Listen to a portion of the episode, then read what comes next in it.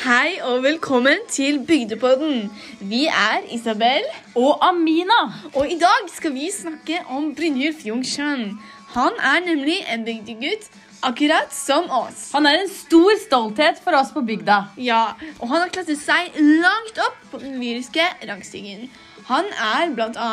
forfatter, lyriker, forlagsredaktør og journalist. Håper du blir med videre for å høre om hans historie og litt om hans mesterverk. Ja, da kan vi egentlig bare starte med å presentere forfatteren Brynjulf Jungskjønn. Skjønn han ble født i 1980 i Seoul i Sør-Korea. Han ble funnet alene og forlatt på en togstasjon litt utenfor Seoul, og ble deretter lagt inn på et barnehjem. I 1983 ble han adoptert av en norsk familie til Norge, nærmere sagt til Feiås i Sogn og Fjordane. Siden han ble funnet alene på en togstasjon som baby, så vet han ikke egentlig bursdagen sin, men fødselsdatoen som ble gitt av, av barnehjemmet, er 15.11.1980. Skjønn han vokste opp på en gård i Feios i Sogn og Fjordane. Han er enebarn. Forventningene til adoptivforeldrene det var jo at han skulle bli odelsgutt. Han har slitt veldig med sine asiatiske utseende, og at han var annerledes enn de andre på bygda. Han var laktoseintolerant, allergisk mot dyr, allergisk mot høy og gress. Dette gjorde at han ikke egnet seg veldig som odelsgutt, og dette sleit han veldig med å forstå i barndommen. Fordi i hvert fall blant annet at han var alene og ikke hadde noen andre i bygda som ligna på han. Og at foreldrene hadde så store forventninger siden han var enebarn, så var det veldig vanskelig eh, for eh, kjønn. Han så jo annerledes ut, og ingen rundt ham var lik som han. Og dette har preget han veldig mye, og til og med blitt med han videre i voksenlivet. Ja, så kan vi da kanskje gå over til mer voksenlivet hans. Fordi når Chun skulle velge utdanning, så valgte han nemlig ikke det fosterforeldrene ville. Han gikk sin egen vei. Istedenfor å bli bonde og ta over gården, som den odelsgutten de forventa at han var, så utdanna han seg heller som forfatter, lyriker, forslag, forlagsredaktør og journalist. Eh, til nå har kjønn vært journalist og reporter for både VG og NRK.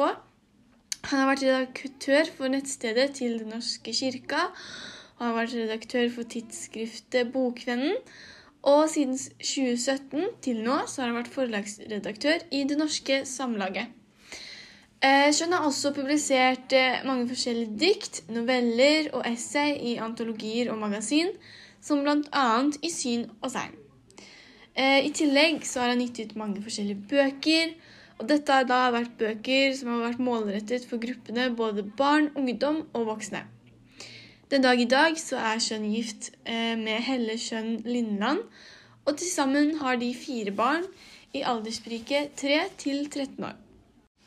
Ja, så er vi da over på analyse av dikt. Vi skulle da velge et dikt hver som vi da skulle analysere og snakke litt om. Det diktet jeg valgte, går som følger. Kven springer i mørket? Tre barn springer i mørket. Er det Arve Beheim Karlsen? Er det Benjamin Hermansen? Er det Johanne Ile Hansen? Tre norske barn med tre norske navn. Karlsen, Hermansen, Ile Hansen. Tre barn springer i mørket. Jeg springer ikke i mørket. Jeg sitter i mørket. Og leser om Arve, Benjamin, Johanne. Jeg skriver deg fram på det lyse papiret, på det hvite papiret. Eh, vi kan da se her at eh, diktet består av 20 verselinjer og er da delt inn i bare én strofe. Eh, motivet i dette diktet er jo da konkret det som skjer i handlingen. Det er at tre barn springer i mørket. Det er tre norske barn som springer i mørket. Det er Arve B.N. Karlsen, Benjamin Hermansen, Johanne Ile Hansen. Men han, han som skriver diktet, altså Jungskjønn, han springer ikke i mørket. Han sitter i mørket, og han skriver dem fram på det hvite papiret. Jeg tenker da at temaet i dette diktet, det er rasisme. Dette kan vi se fordi alle disse navnene er knyttet til virkelige hendelser, eller da drap som har skjedd pga. rasistiske syn. Og dette kommer vi da litt tilbake til når jeg skal snakke om virkemidler. Eh, og vi kan også se gjentagelse i diktet. Navnene til barna blir gjentatt tre ganger. Først så nevnes de som hele navnet, f.eks. Arve Bern Karlsen. Deretter, litt eh, i midten av diktet, skal vi si at det bare er etternavnet som eh, fortelles. Karlsen, Hermansen, Ile Hansen.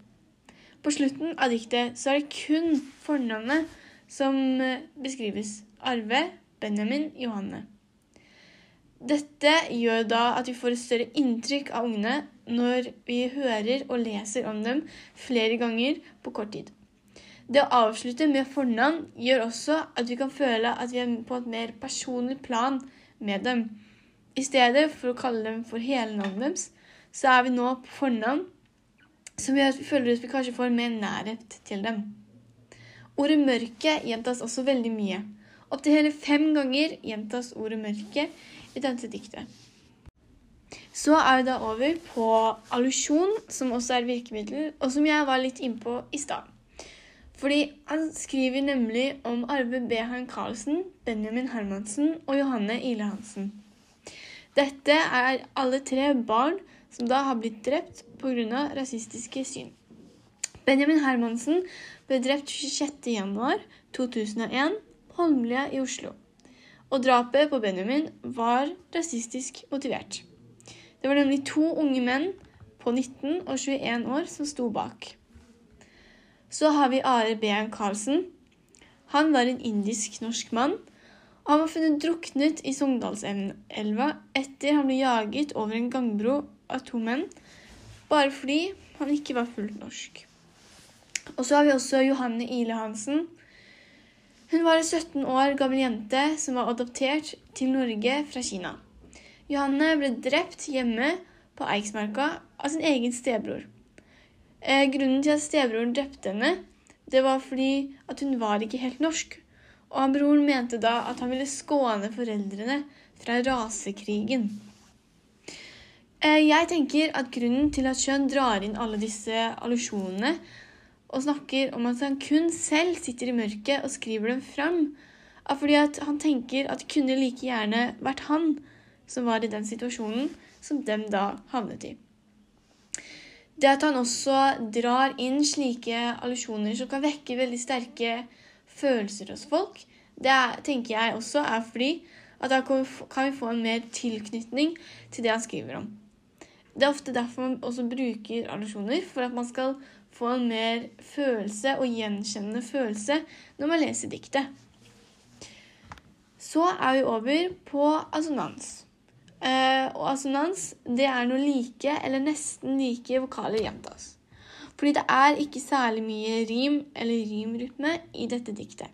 Men jeg fant litt assonans.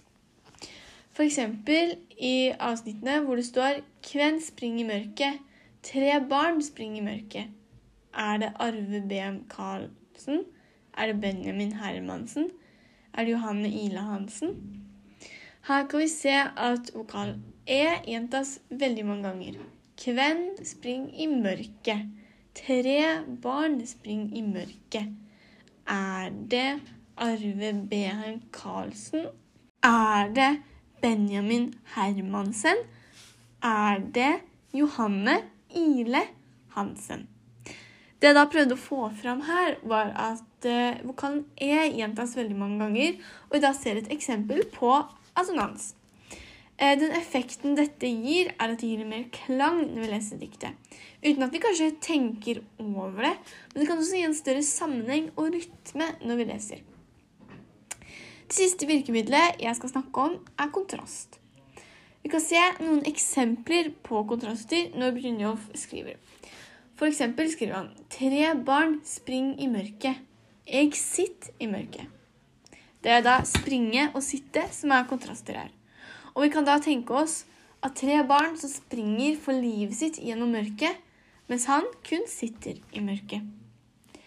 Et annet eksempel er Jeg sitter i mørket. Jeg skriver deg fram på det lyse papiret, på det hvite papiret. Kontrasten her er da selvfølgelig mørk og lys. Eh, og denne kontrasten, i hvert fall personlig, så får den meg til å tenke over mer forskjellene og det han prøver å påpeke, forskjellene mellom mørk og lys. Han sitter også da i et mørkt rom og skriver på et lyst papir. Det kan også oss mer tanker i hodet, fordi det gir oss mer tankespinn. Det er et slags effekt som kontraster har på oss. Ja, da kan jeg egentlig bare starte med å lese opp diktet jeg har valgt, og det går som følgende. Jeg skyter ikke ungdommer. Jeg sprenger ikke bygninger. Jeg dreper ikke stesøstera mi. Jeg knivstikker ikke mørkhuda barn. Likevel skal det bære et virusutbrudd til på den andre sida av jorda for å få folk til å gå en omvei når de ser meg på gata.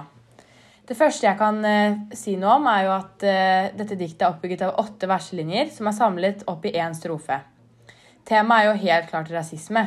Dette ser vi i hvert fall når det står 'Jeg knivstikker ikke mørkhuda barn', noe som er rasistisk å gjøre.